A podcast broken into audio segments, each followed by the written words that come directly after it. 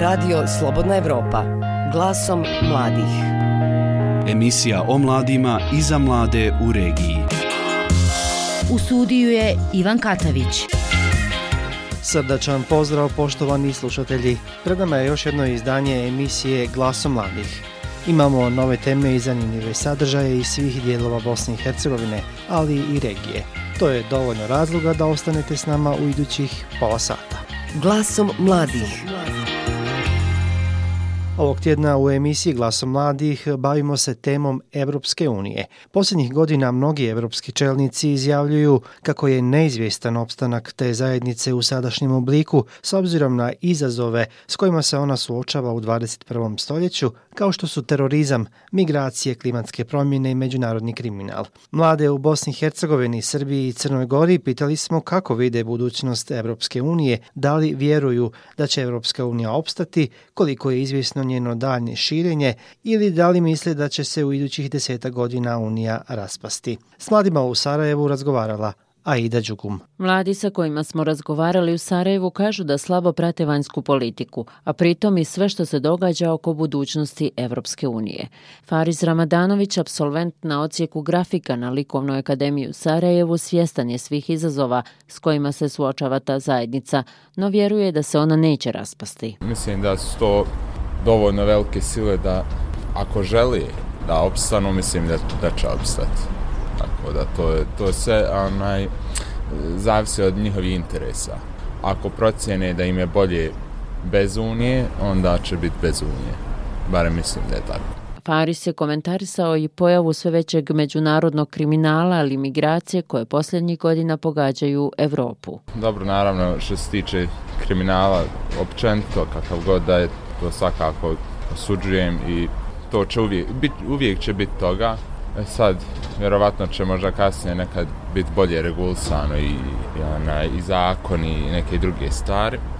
A, a što se tiče recimo migracija i općenito imigranata i te krize, iskreno mislim da ljudi pogotovo sa ovog područja znaju šta znači biti izbjeglica, ali opet to ne daje za pravo nekom ko je došao iz države tipa Pakistan, u kojoj, koliko ja znam, nije ratna zona, da dođe bez ikakvih pasoš, bez pasoša, bez dozvole, recimo negdje u Evropu, čisto da nađe to bolji život. Mislim, super je to, razumijem, bolje im je u Evropi, to svakako, ali mislim, podržavam da bi to trebalo sve zakonski da ide, a ne onako ko se kako snađe. Sličnog mišljenja je studentica prve godine ocijeka za grafički dizajn Likovne akademije u Sarajevu, Sara Bubak. O budućnosti Evropske unije i izazovima s kojima se suočava ta organizacija, Sara kaže. Pa ne znam sad s obzirom na cijelu situaciju oko Brexita, na primjer, to njihovo vaganje, da li će, neće li i kako će to ucat na, s obzirom na to da su oni jedan od najjačih i ključni član Evropske unije, da će to imati veliki utjecaj na ishod cijelog opstanka, hajmo reći, Evropske unije. A što se tiče imigracije i imigranata, smatram se to trebalo mnogo bolje organizovati s obzirom da neke države imaju mnogo mogućnosti, pa skandinavske države. Mislim, cijela Evropa kao generalno treba da napravi neku organizaciju povodom toga kako bi izbjegli te neke, ne znam sada, imamo probleme mi ovdje u Bosni i Hercegovini sa njima, ovaj, međutim pokušavamo se nekako organizovati i smatram da oni, jer su mnogo veće mogućnosti od nas, da bi trebalo nešto poduzeti po tom pitanju. Njen kolega također sa Likovne akademije Mohamed Begić kaže da Bosna i Hercegovina ima toliko problema zbog kojih većina građana i ne razmišlja o Evropskoj uniji. Mislim, trebamo mi da pogledamo ovdje što se dešava kod nas i što možemo kod nas napraviti. Ako već planiramo mi kao mladi da ostajemo i to je to. Za radio Slobodna Evropa iz Sarajeva, Aida Đugum. Sada idemo u Beograd.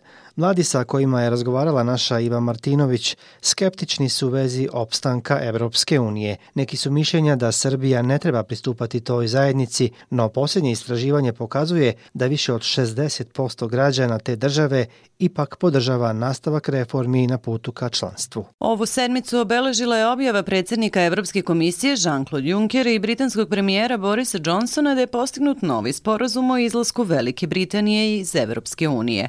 Uprkos tome Milan Milenković, student istorije, smatra da ova zajednica ima budućnost. Pa mislim da će obstati ili u nekom manjem obimu, dogod Nemačka bude ekonomski, politički najuticajnija država u Evropi i da će u jednom trenutku da i Balkan bude integrisan u tu zajedničku skupinu država. Ne znam da li u kojoj meri je to dobro, ali svakako u ekonomskom pogledu bi to, s ekonomskog stanovišta to bi moglo da bude zaista dobar potez i zbog investicije i zbog zajedničkog tržišta. Njegov kolega Ilija Kostadinović sa druge strane za sebe kaže da je evroskeptičan. Na pitanje o budućnosti Evropske unije odgovara. Ne vidim neku svetlu budućnost, iskreno. Zato što očigledno je da, da se javljaju jednostavno da buji nacionalna svest da se budi kod ljudi, da sve više ljudi shvataju da je pobedonosno rešenje saradnja nacija, gdje će svako da gleda svoje interese, a gdje će s druge strane države međusobno da sarađuju, da jedne druge neće da ugnjetavaju. On je mišljenje da se današnja Evropska unija ne temelji na idejama i vrednostima na kojima je osnovana, poput slobode, solidarnosti, dostojanstva ljudi i poštovanja svih individualnih i manjinskih prava njenih građana.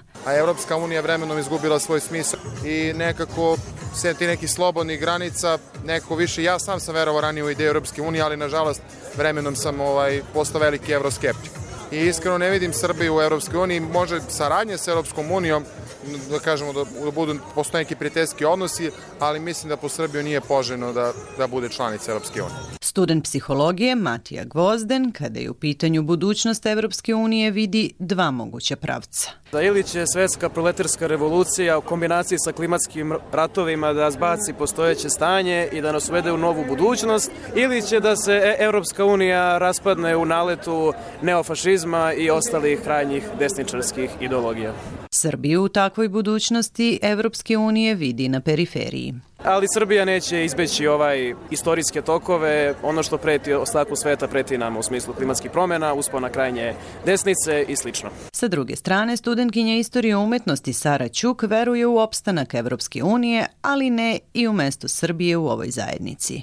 Mislim, jako sam ja lično protiv da toga da Srbija uđe u Evropsku uniju, ali mislim da za njih koji su već unutra, da je bolje da se drže i dalje tako kako jesu. Mislim da je kao Evropska unija, kao ideja, dobra ideja, samo da bi trebalo da Evropska unija zaista bude zajednica svih evropskih naroda, a ne da, mislim da je to ograničavanje makar drugim evropskim narodima bez veze. Mislim da bi trebalo da se kao svi evropski narodi držimo zajedno, a ne da nekako odguruju države poput nas. Iz Beograda za radio Slobodna Evropa Iva Martinović.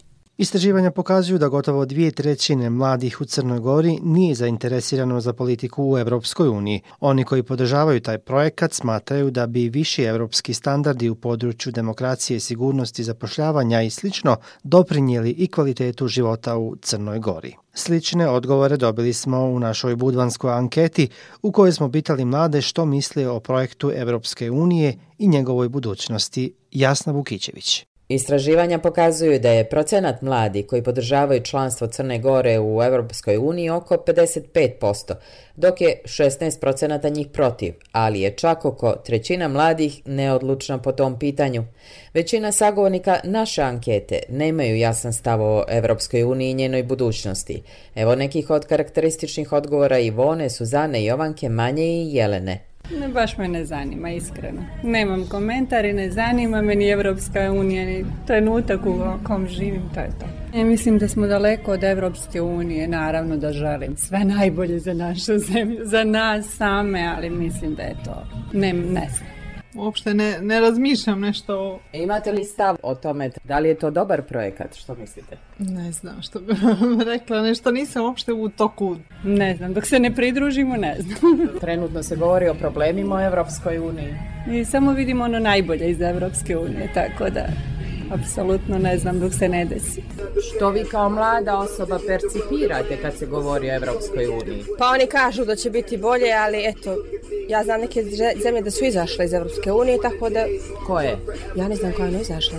Ima li budućnost Evropske unije? Pa, ne znam, ako je to misle političari da je to dobro, onda vjerovatno ima nešto pozitivno. Istraživanja pokazuju da veliki procenat mladih ljudi, oko trećina njih, ne može da kaže kakav bi uticaj pristupanje Evropskoj uniji imalo na crnogorsku ekonomiju, te da li očekuju da Evropska unija ima pozitivan uticaj na politički sistem u Crnoj Gori.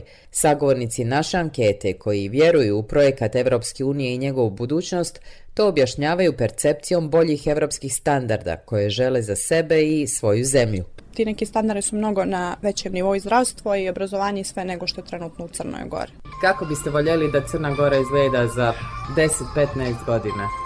Pa ne znam, nešto kao na primjer Belgija. Uređena zemlja, dosta imaju kako se zove slobodni praznika, e, znači poštovano mi sve ako preko vremena ostaju, znači plaćeno ime, slobodne dane, vike, znači sve imaju. Ono.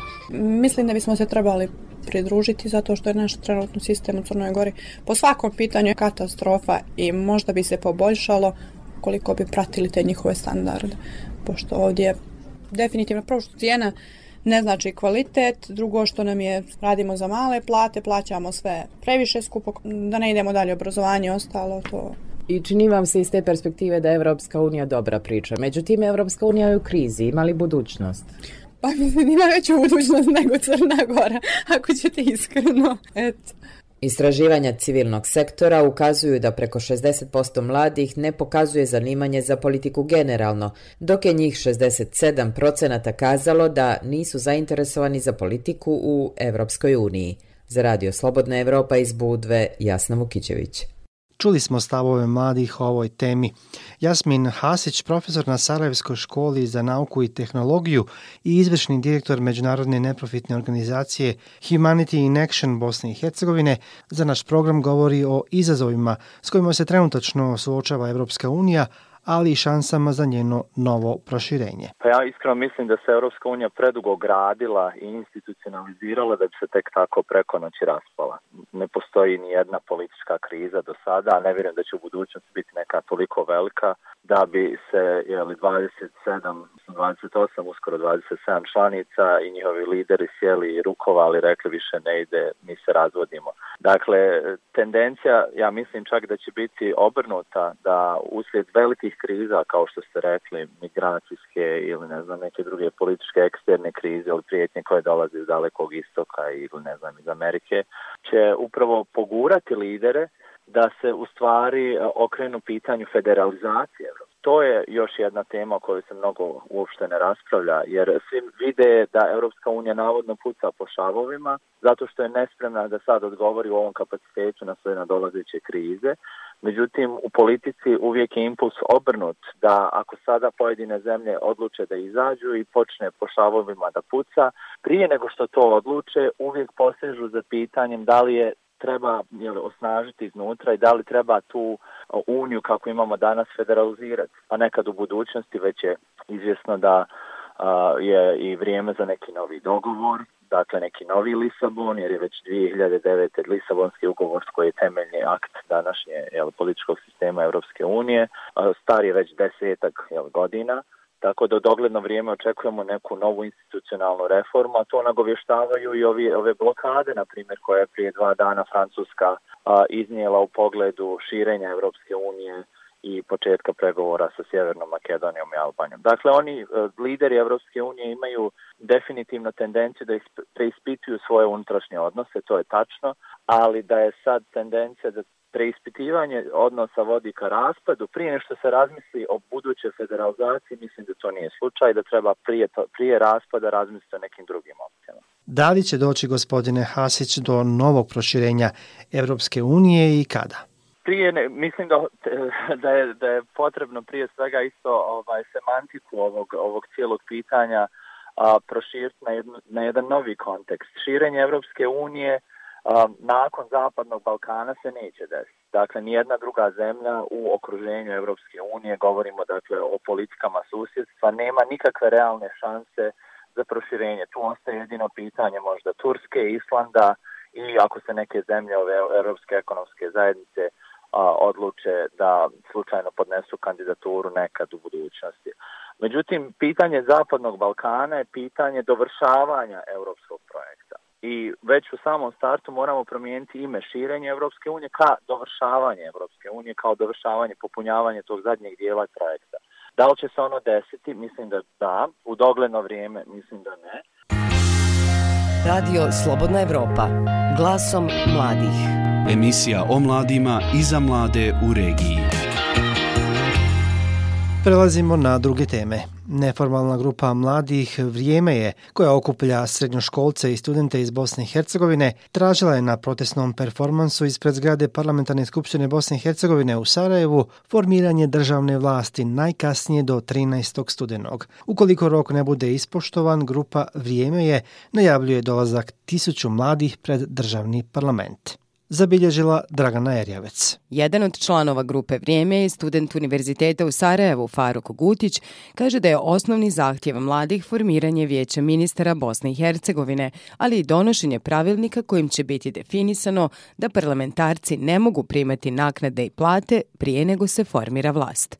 Kako je rekao, mladi u Bosni i Hercegovini žele da se osjećaju bezbjednije i motiviranije da ostanu u zemlji, ali i političare koji rade svoj posao. Građani Bosne Hercegovine treba da znaju da je izgubljeno preko 2,1 milion konvertibilnih maraka što se tiče samo novca, pa sad se zapitajte koliko to u prevodu života znači koje mi pašavamo tako što šaljemo poruke, a neko niti ne dolazi na posao, a dobija plać, tako da su to stvar koje, koje mi želimo da ovaj promijenimo. Međutim, s obzirom je prošlo i kako mnogo vremena i da je ovaj rok od mjesec dana samo još jedan u nizu rokova koji su već do sada ovaj probijeni, onda se može desiti situacija da 13. 11. razgovaram s parlamentarne skupštine sa preko eh, e, 10.000 ljudi. Adna Sokolović, studentica iz Sarajeva, smatra da mladi u Bosni i Hercegovini ni sami ne vjeruju da mogu promijeniti društvu u kojem žive.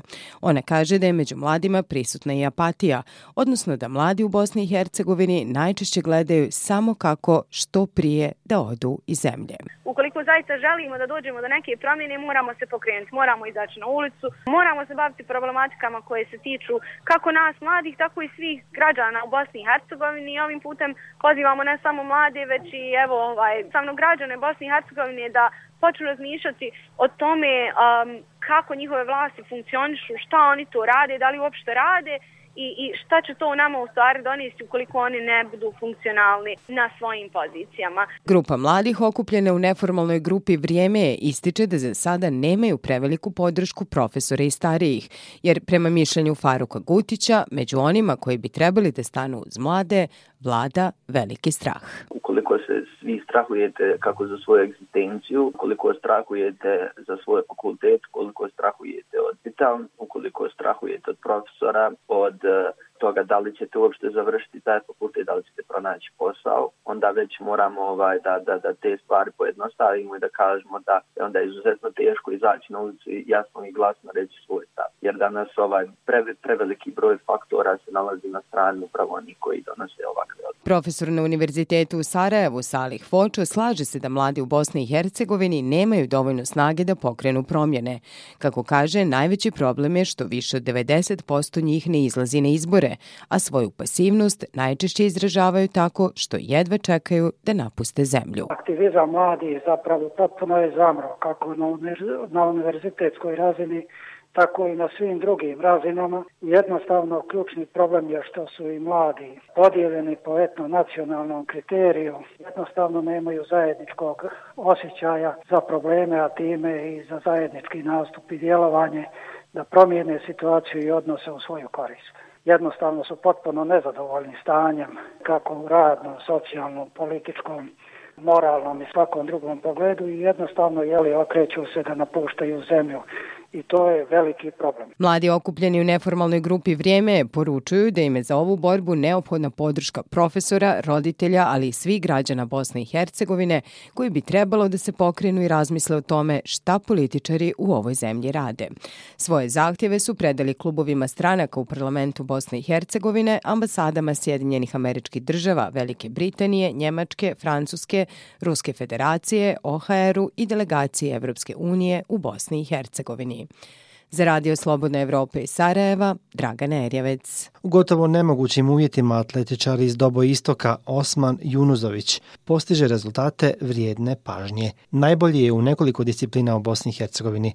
Reprezentativac i balkanski vice šampion novac zarađuje i na uličnim trkama da bi sebi osigurao neophodnu opremu tema Arnesa Grbešića. Osman Junozović iz atletskog kluba Doboj Istok sedmično pretrče između 160 i 180 km.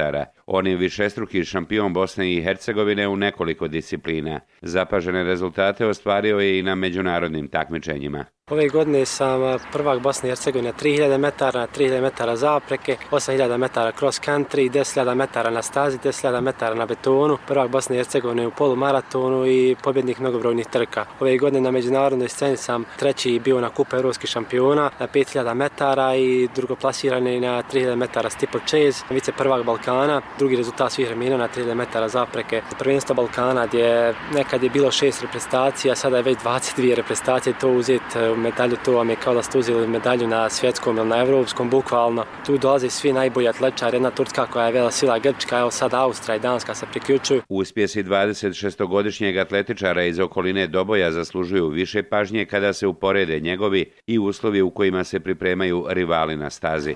Treniramo, slobodno mogu da kažem, u nemogućim uslovima. Nemamo ni atletsku stazu, nemamo jednostavno ništa, ali postižemo vrhunske rezultate. Treniramo po makadanskim putevima i treniramo ovdje po nek travnatoj podlozi krug koji ima 476 metara. Na primjer u Srbiji svaki malo veći grad ima atletsku stazu novu, tako da mi ovdje, evo vidite, treniramo u uslovima koji, ni, koji nisu za trenirati, jednostavno ne možete ovdje privući nijedno dijete koji će ovdje doći trenirati, mučiti se. Od zarade na uličnim trkama, jedan od najuspješnijih bosansko-hercegovačkih trkača na dugim stazama, Osman Junuzović, sebi kupuje opremu za klubska takmičenja i treninge. Bukvalno 24 sat sam posvećen atletici, 15 godina sam u ovom sportu i imaju neke ulične trke od kojih se kaže živim. Do sada sam pobjedio na 28 trka u Bosni i Hercegovini, na primjer, prvo mjesto je između 300 do 600-700 eura. Rezultat vam donosi da je imate i naplaćujete i startninu. Sve zavisi od rezultata. Sam sebi stvaram uslove i samim tim zarađujem da bi mogao imati opremu patke, ali jedne patke su za treninge često 500 maraka, tako da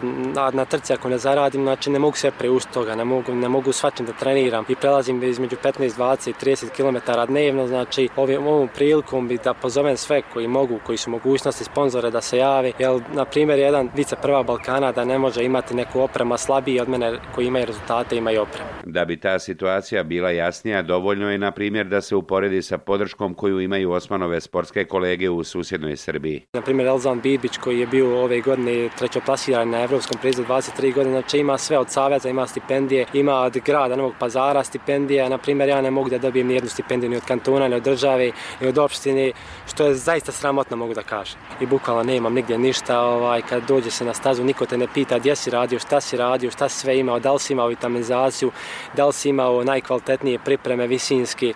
U posljednjih deseta godina reprezentativac i višestruki prvak Bosne i Hercegovine iz Dobo Istoka trenira na futbalskom stadionu u susjednom Doboju, jer u lokalnoj zajednici gdje je rođen nisu svi blagonaklono gledali na Osmanovo korištenje tamošnjeg stadiona. Kasnije su mi ovaj, rekli da koristim stadion, međutim meni više nije bio tad potreban stadion i ovdje su me iz Doboja stvarno ovom prilikom da se zahvalim.